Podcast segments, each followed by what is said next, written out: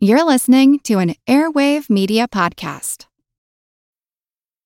When it comes to weight loss, no two people are the same. That's why Noom builds personalized plans based on your unique psychology and biology. Take Brittany. After years of unsustainable diets, Noom helped her lose 20 pounds and keep it off. I was definitely in a yo yo cycle for years of just losing weight, gaining weight, and it was exhausting. And Stephanie. She's a former D1 athlete who knew she couldn't outtrain her diet, and she lost 38 pounds. My relationship to food before Noom was never consistent. And Evan, he can't stand salads, but he still lost 50 pounds with Noom. I never really was a salad guy. That's just not who I am. Even through the pickiness, Noom taught me that building better habits builds a healthier lifestyle. I'm not doing this to get to a number, I'm doing this to feel better. Get your personalized plan today at Noom.com. Real Noom users compensated to provide their story. In four weeks, the typical Noom user can expect to lose one to two pounds per week. Individual results may vary. We all know how important it is to keep your eye on the money, and not just your own.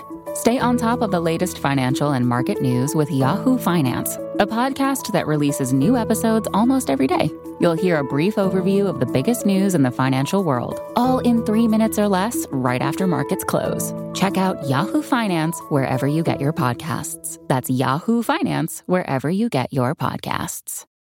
This is Kick Ass Politics. I'm Ben Mathis. If you're listening for the first time, this is a preview station for Kick Ass Politics, where I put up a few sample episodes for you to check out. I hope you enjoy this episode, and if you like it, then I encourage you to go to our main program at Kick Ass Politics and subscribe to the show. There are a lot more episodes there. Just search for Kick Ass Politics on iTunes, or if you go to the information page for this episode on iTunes, there's a link right there to subscribe to the main show. Also, feel free to check out our webpage at kickasspolitics.com, where you'll find show notes, book recommendations, and all kinds of extras. I'm Ben Mathis, and I hope you enjoy this preview of Kick Ass Politics.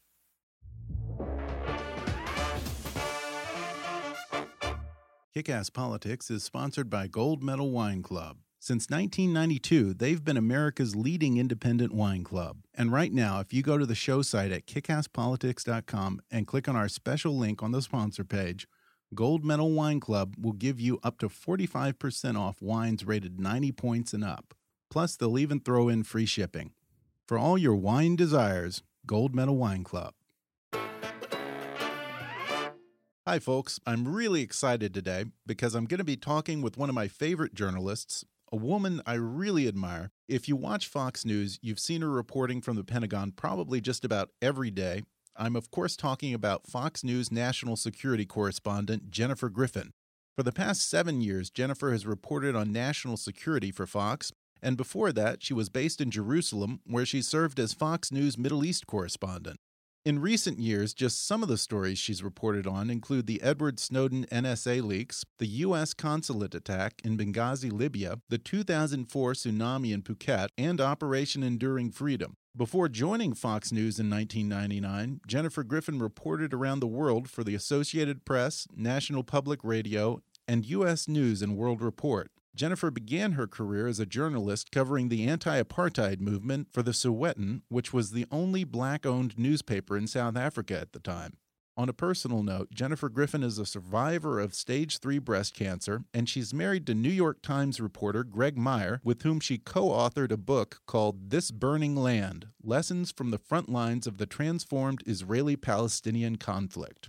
I'll talk to Jennifer Griffin about her and her husband's experiences in the heart of the Israeli Palestinian conflict and her early years covering the fall of apartheid and the release of Nelson Mandela in South Africa. And she'll also tell me about the transition from reporting in some of the most dangerous places in the world to being a working mom and Fox Pentagon correspondent, and how that experience led to a surprising bond with our troops returning from Iraq and Afghanistan.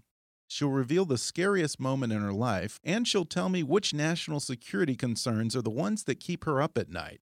So don't go anywhere. I'll have all that and more with Fox News' Jennifer Griffin on today's podcast.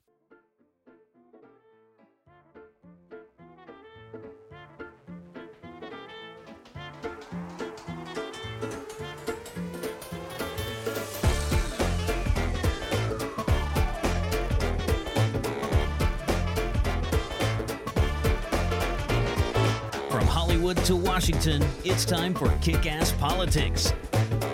And now here's your host, Ben Mathis. So I'm here with Fox News correspondent Jennifer Griffin. Jennifer, is there anywhere in the world that you haven't been? You have covered Gaza, you've covered Iraq, you've covered Libya, Phuket in the aftermath of the tsunami. You battled stage three breast cancer. And then, as soon as you were done with your treatment, you hopped a plane to Afghanistan. When you look back at those experiences, what is the scariest that you have ever been in your life? Wow. Um, you know, it's funny. We were just on a panel with Sal Giunta, Staff Sergeant Sal Giunta, who's a right. Medal of Honor recipient, and he. We were talking about those moments in the Korengal Valley, um, Afghanistan, 2007, when he uh, came under this incredible fire and ambush, and uh, and what was going through his mind, whether he was fearful going into combat, and I think it's when you look back on experiences that you think, and, and particularly now that my children are getting older, and I think that they are going to start going out and having their own adventures in the world. When I look back at some of the things I did in my 20s and places that I went, um, and I think of my children doing that, that's when I get scared. Yeah. I, I, I, I've been through a lot of experiences, as you mentioned. Um, I met my husband in South Africa when I was 20 years old. I left college. I was at Harvard at the time, and I took a year off, and it was the end of apartheid, and Mandela was still in prison. And we met in Soweto. I was working for the only black newspaper in the country. At that time, there was still mm. apartheid. And we met in Soweto and began this incredible journey and this incredible life together. And one of the first assignments that he had, where we were going to be separated, um, he was sent to Somalia, to Mogadishu, to cover. He was working for the Associated Press at the time and AP. And, you know, again, I was a young, hot headed, hot blooded 20 year old wow. who was ready to conquer the world. And he said, Well, I'm heading to Somalia, Mogadishu, full on famine. It was before the Marines arrived. Um, we all remember Black Hawk mm-hmm. Down and, and what happened there, but this was early and people were dying.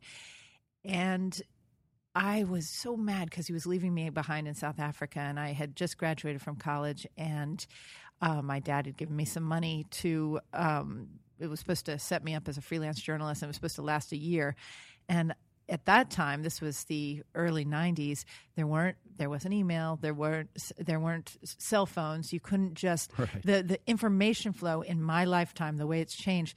So I bought a ticket without telling Greg, my husband that I was going to show up in Mogadishu, which at the time there were no, eh, you know, international air flights. There was a full-on war raging in the capital, and but I had it in my mind that well, he's going there, I'm going there, and we got I flew, I bought a one-way ticket. I used all the money my dad had given me for graduation.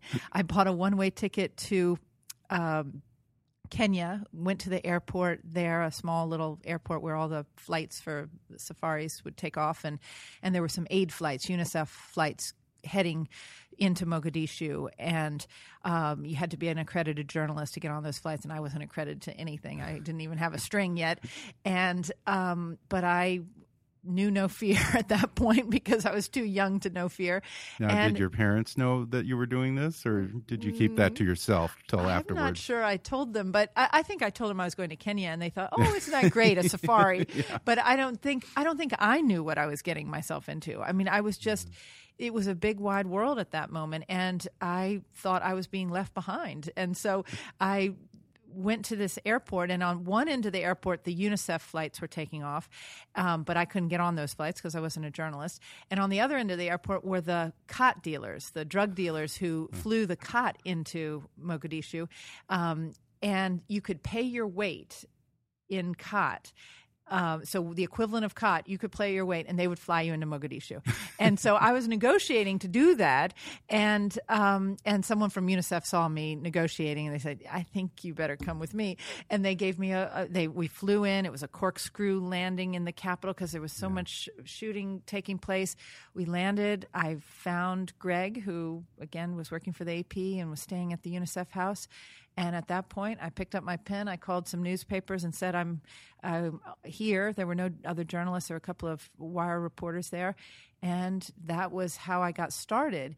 And when I look back, the other a few weeks ago, we had a a brunch with some um, some members of the military who had been in Mogadishu and had been in uh, in Somalia dur- uh, during the famine and after around the time of Black Hawk Down, and we were talking about those days, and we were talking about a place called Baidoa, which I never thought I would go to Baidoa. I never thought I'd talk to anyone who'd been to Baidoa afterwards, but that's where a lot of people the famine was hitting hardest, and and this Marine uh, special operator, he said, "Oh yeah, I, I was out in Baidoa at that time." I said, "What? We didn't have the military there."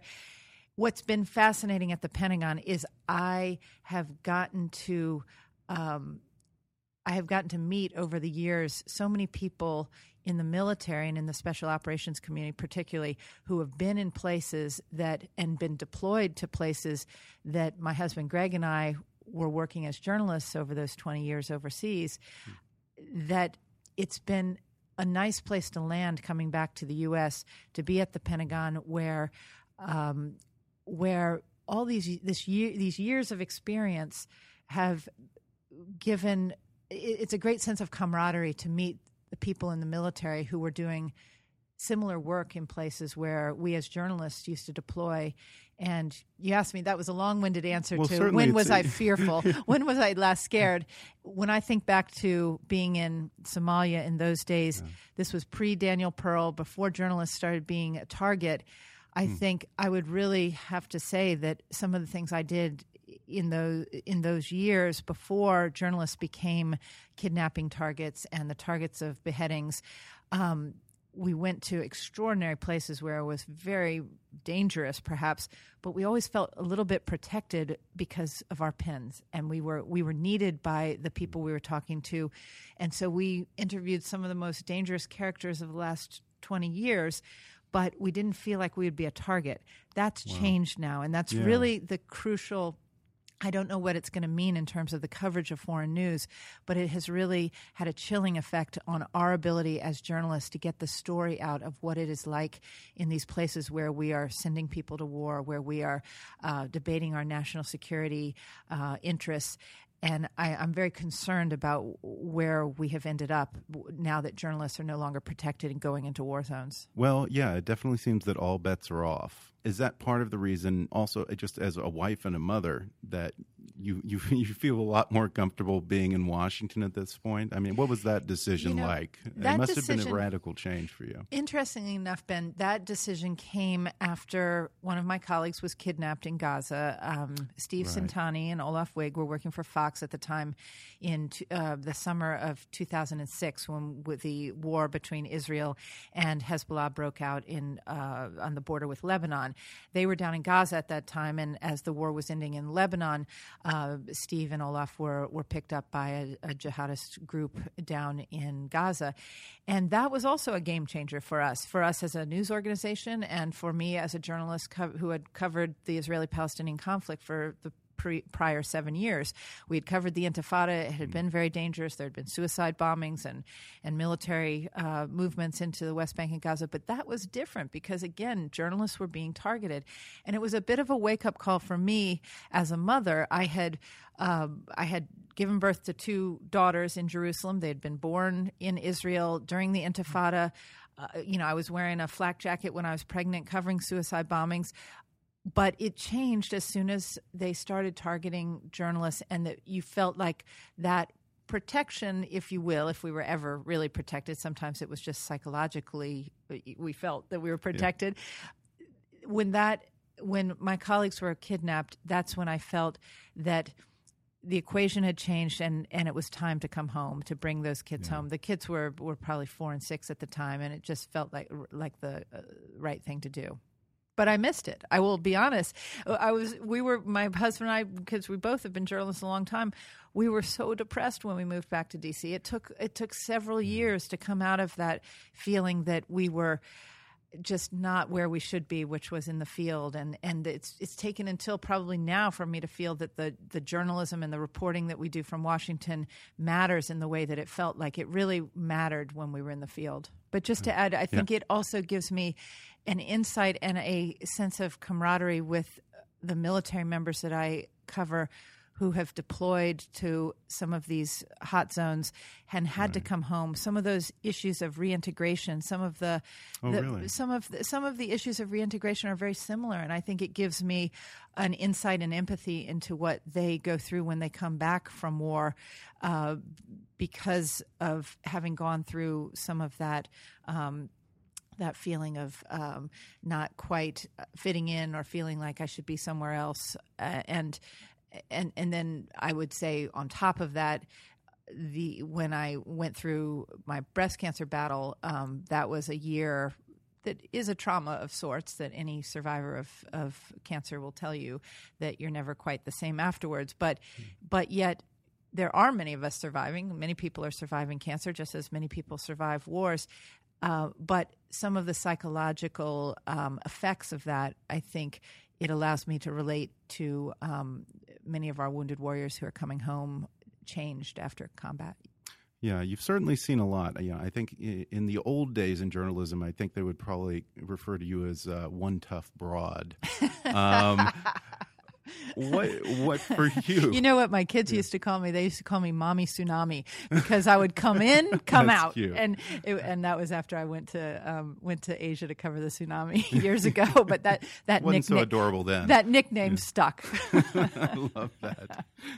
Well, what is your secret to mental toughness in the face of adversity? If if anyone knows, I don't know if I'm if that anyone tough. Can know. you know what? I cry a lot. Yeah, I'm actually very emotional, and and I probably cry too much when I'm telling stories. But I think, I think, um, I think telling stories is probably my way of coping with my own experiences as well as the collective experience that we, as a nation, have gone through in this incredible more than decade long fight against terrorism. I think that telling other people's stories has been very therapeutic for me in terms of my own wounds, psychological wounds from the last uh, 20 years of covering conflict and and situations that I mean the idea that we're back in Iraq you know yeah. fighting ISIS it's it's very debilitating for I, I see it in, amongst the, the, those in the Pentagon who are still serving who lived through those wars I mean we all as a nation are going through a kind of we're, we're going to have to find out figure out how to get each other through this period and it is going to probably be through storytelling both our hmm. own and listening to the stories of those who have served in the last 12 13 years because uh, this has been a trauma. Uh, it's been a trauma for the nation um, ever since 9-11 I think it's probably one of the reasons that you're starting to hear from members of some of these secret teams who were involved in the bin Laden mission and other. I think some of those folks feel like uh, the nation needs to hear their stories as a way to heal. So I think storytelling is probably the way I deal with it. Um, but I will, I wouldn't, I would be lying if I didn't say that it's had an effect on me and my family. It has. I'm curious because what you were just saying there. Do you find that it's somewhat disheartening when we find ourselves fighting the same wars over again? Do it you feel that feel... we're not moving forward? well, sometimes it feels like Groundhog Day, and I think yeah. I think we're at, a, at an inflection point right now where we do all have to take stock of what we thought were going to be the answers to how to fight against this. Um, I mean, let's face it, it, it, it, we are in a period of historic change post Cold War where Islamic radicalism is taking advantage of these shifting. Um, uh, how to put it, but uh, shifting alliances, shifting uh, historic uh, trends. I mean, things that that we are going to have to step back and be smarter than the enemy. We are smarter than the enemy. And, you know, I've found what's really therapeutic right now is I've been watching a lot of documentaries. Um, Ken Burns just did The Roosevelts, and which was oh, an amazing, was fantastic, uh, fantastic seven part series. The whole nation should watch that series because if you think that what we're going through right now is the worst that this nation has ever seen, think again. Go back to what FDR and what Teddy yeah. Roosevelt were facing, and go back to the period of economic turmoil, the Depression, and the world wars that that emanated from from from that uh, during that time period, and you'll realize that good leadership, the right person at the right moment uh, leading this nation and, and, using all of the strengths of this incredible country. Um, we don't need to be despondent, but it is easy right now, I think, for those of us who've been following these wars as closely as we have for the last um, de- more than decade to feel a bit despondent. But I think we really need to study our history and realize that we have been through as much, if not worse. Well, you're absolutely right, Jennifer. Uh, I think every generation tends to think that they're living in the most dire of times and, and, project this Armageddon mentality onto current events. But you know, but we all know the truth is there's nothing new under the sun. Everything my generation is experiencing pales in comparison to what my grandfather and the greatest generation faced. And I'm also glad that you pointed out Ken Burns' documentary on the Roosevelts uh, because I want to highly recommend that to all the listeners. We're going to take a short break and then I'll be back in a minute to talk more with Fox News national security correspondent Jennifer Griffin. So stay tuned for more.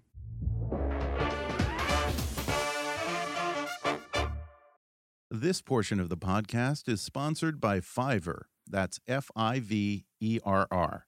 Now, folks, you've heard me rave about Fiverr before. Fiverr is the world's largest online marketplace for services, with over 100,000 categories, all offered for a fixed base price of just $5. Logo design, business consulting, marketing, business cards and stationery, web design, translation, transcription, proofreading, legal consulting, and just about any other service you can possibly imagine, all offered at a base price of just $5. In fact, you know the announcer who does our intro to Kick Ass Politics? I found him on Fiverr, a professional radio announcer to do our intro for just five bucks. And right now, when you go to kickasspolitics.com and click on the Fiverr ad on our sponsor page, you'll be showing your support for the show and you'll get some great offers on services tailored to your needs. Whatever you need done, find it on Fiverr. If you like Kick Ass Politics and you want to keep us on the air, then please support the show by making a donation to our GoFundMe campaign at gofundme.com backslash kickasspolitics. That's G-O-F-U-N-D-M-E dot com backslash kickasspolitics. Or go to the show website and click on the donate link. Your support will help keep us producing new and even more interesting programs in the future. That's gofundme.com backslash kickasspolitics. And I'm back with Fox News Pentagon correspondent Jennifer Griffin. You covered the Middle East and specifically the Israeli Palestinian conflict for, for a good long while, for many years. You and your husband actually wrote a book called This Burning Land Lessons from the Front Lines of the Transformed Israeli Palestinian Conflict. What are some of those lessons? Mm. Well, I think one of the main lessons is that what we noticed in Washington is that after we, we arrived in Israel in 1999, and um, and sh- a year later, the Intifada began, and the second Intifada, as it's known, and that's when the suicide bombings began, and it was a very traumatic time. Israel retook territory in the West Bank um, uh, that it had handed back to the Palestinians. The Oslo peace accords were essentially ripped up. Um, it was a very traumatic time. It was when the large wall that you know snakes down the the back of the uh, follows basically the Green Line. Um, in Israel uh, and divides the Palestinians from the Israelis was built. That wall is seen as a symbol of, of oppression and segregation and and uh, has been the subject. But we lived through how the reason that that wall was built, which was that the daily suicide bombings in Israel, unless you've lived through that, now we've all come to understand in a post 9 11 world, we see uh, we take for granted that suicide bombings are kind of what this current war is all about. And you see it in Iraq and elsewhere, and we've gotten numb to it. But at that time, Israel was facing this kind of alone, and, and it was really a stunning tactic that really um, so you kind of have to have lived through that to understand why Israel built that wall. So one of the lessons that I think we learned is that both the Israeli and Palestinian populations, the ones that were willing to maybe take a chance on peace uh, during the Oslo period, that they had been fundamentally changed by those suicide bombings and the breach of faith on the part of the Israelis, uh, the, that they reneged on their part of certain agreements and, and retook territory and, and encircled cities with their military uh, in the Palestinian areas, divided up Palestinian areas in a way that people couldn't get to their jobs, they could lost their livelihood. That fundamental change on both sides, Hamas came to power and actually was elected into power while we were there. That really changed the equation of what it was going to take in terms of a Israeli Palestinian settlement for a peace agreement. And yet Washington stayed very much behind and didn't understand. And so every time I see a new Secretary of State come in and dust off the same old Camp David accords that were negotiated by Clinton, uh, President Clinton, and were rejected by Yasser Arafat, and and I, I just think there's a degree of naivete as to where these two people are and what it will take. Um, I mean, unfortunately, at the end of those seven and a half years of uh, fighting, the Israelis pretty much dominated and won, if you will, if you want to leave, use that term.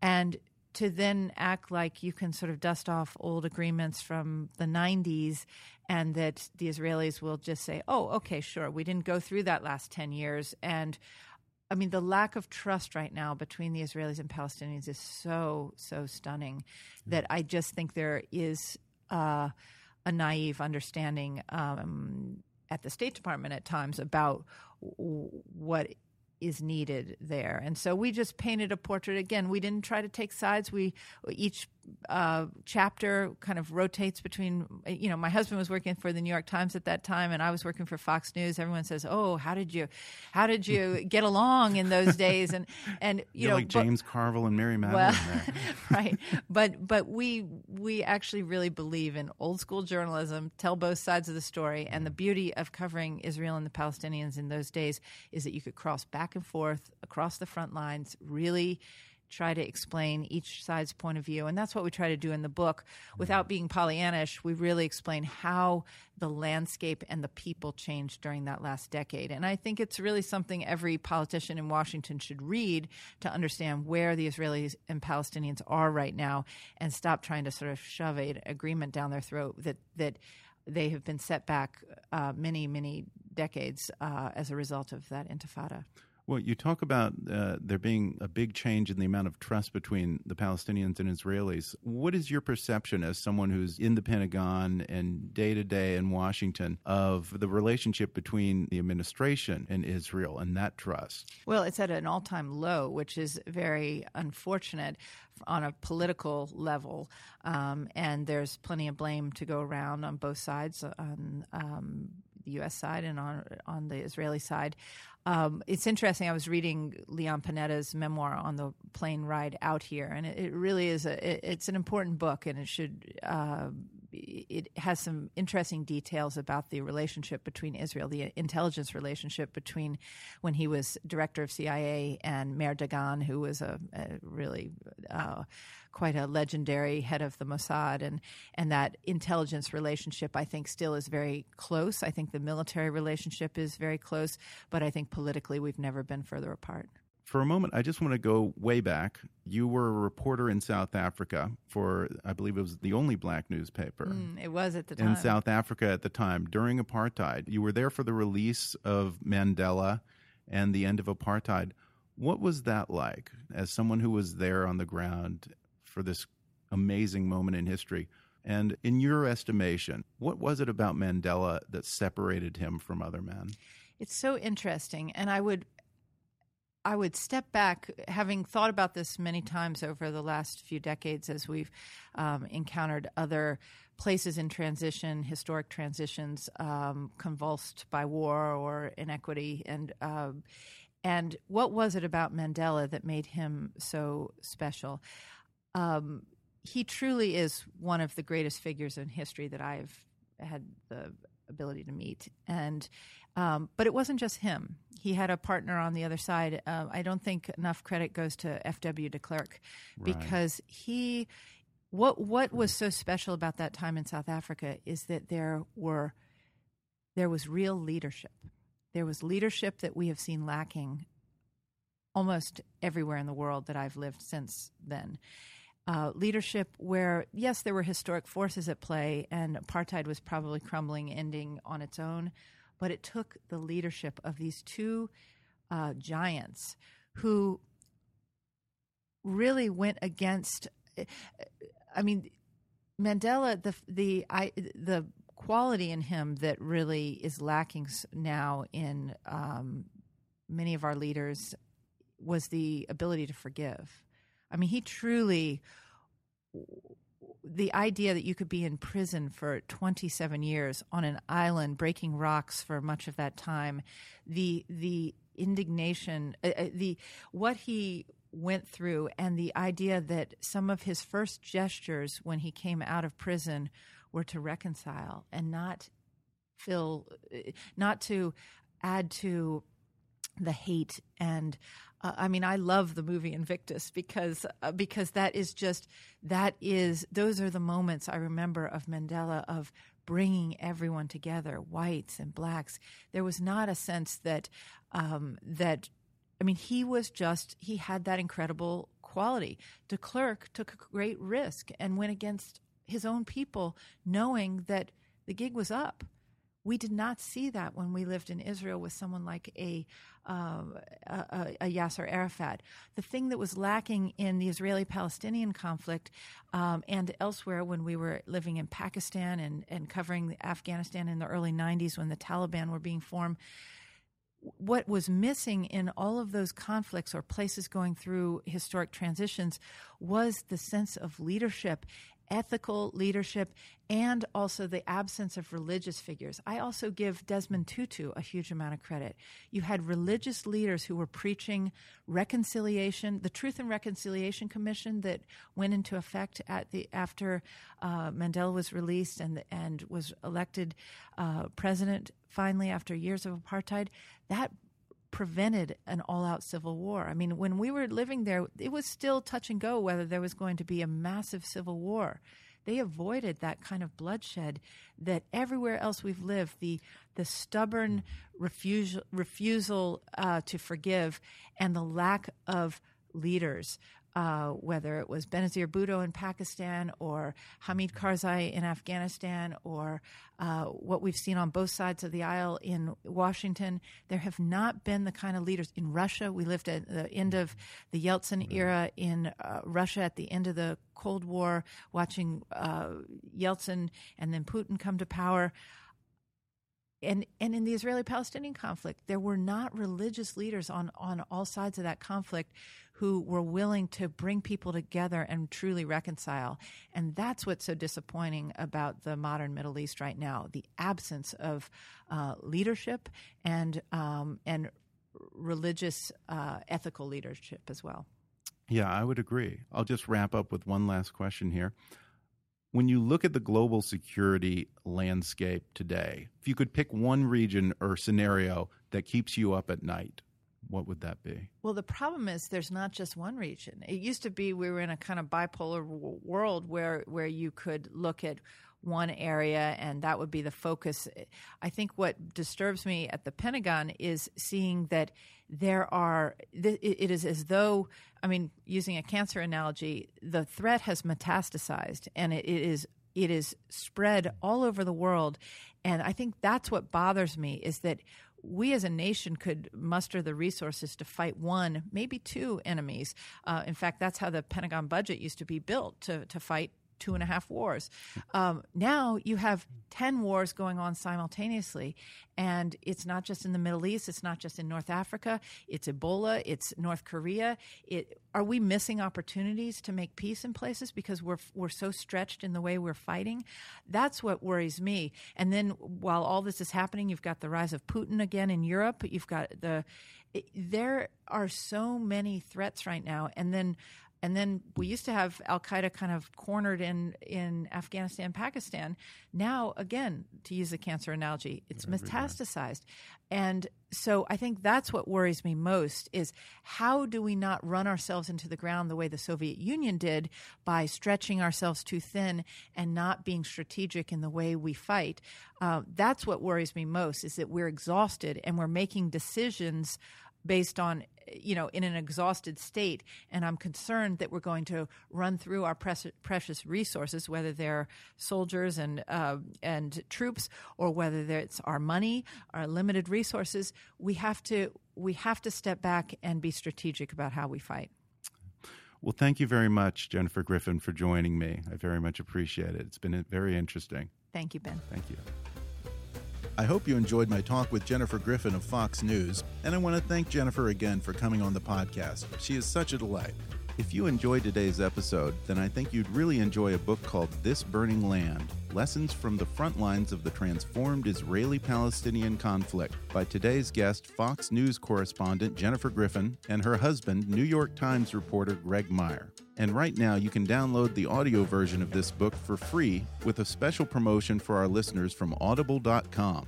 Just go to audibletrial.com backslash kickasspolitics for a free 30-day trial and a free audiobook download, which can be This Burning Land by my guests Jennifer Griffin and Greg Myre, or any of Audible's 180,000 titles for your iPhone, Android, Kindle, iPad, or MP3 player.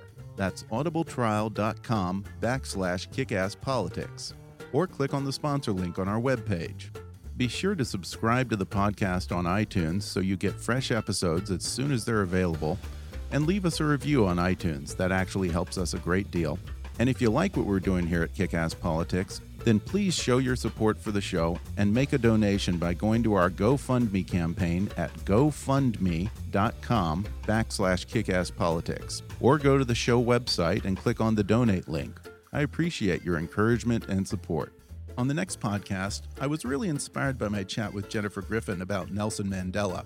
And just a couple of weeks ago, it was actually the one year anniversary of Nelson Mandela's funeral. So I've decided to do an episode on some of the leadership lessons from Nelson Mandela. I think that these are lessons that are very relevant to the current racial situation in America. And frankly, I think some of the so called leaders in the African American community, um, uh, Al Sharpton, could learn an awful lot from Nelson Mandela about healing and bringing people together instead of stoking the flames and dividing people. I had the great privilege of meeting Mandela a couple of times in his later years, and he was really one of the most extraordinary men of the 20th century. So I'm definitely looking forward to exploring his legacy on the next podcast. Until then, I'm Ben Mathis, and thank you, thank you for listening to Kick Ass Politics.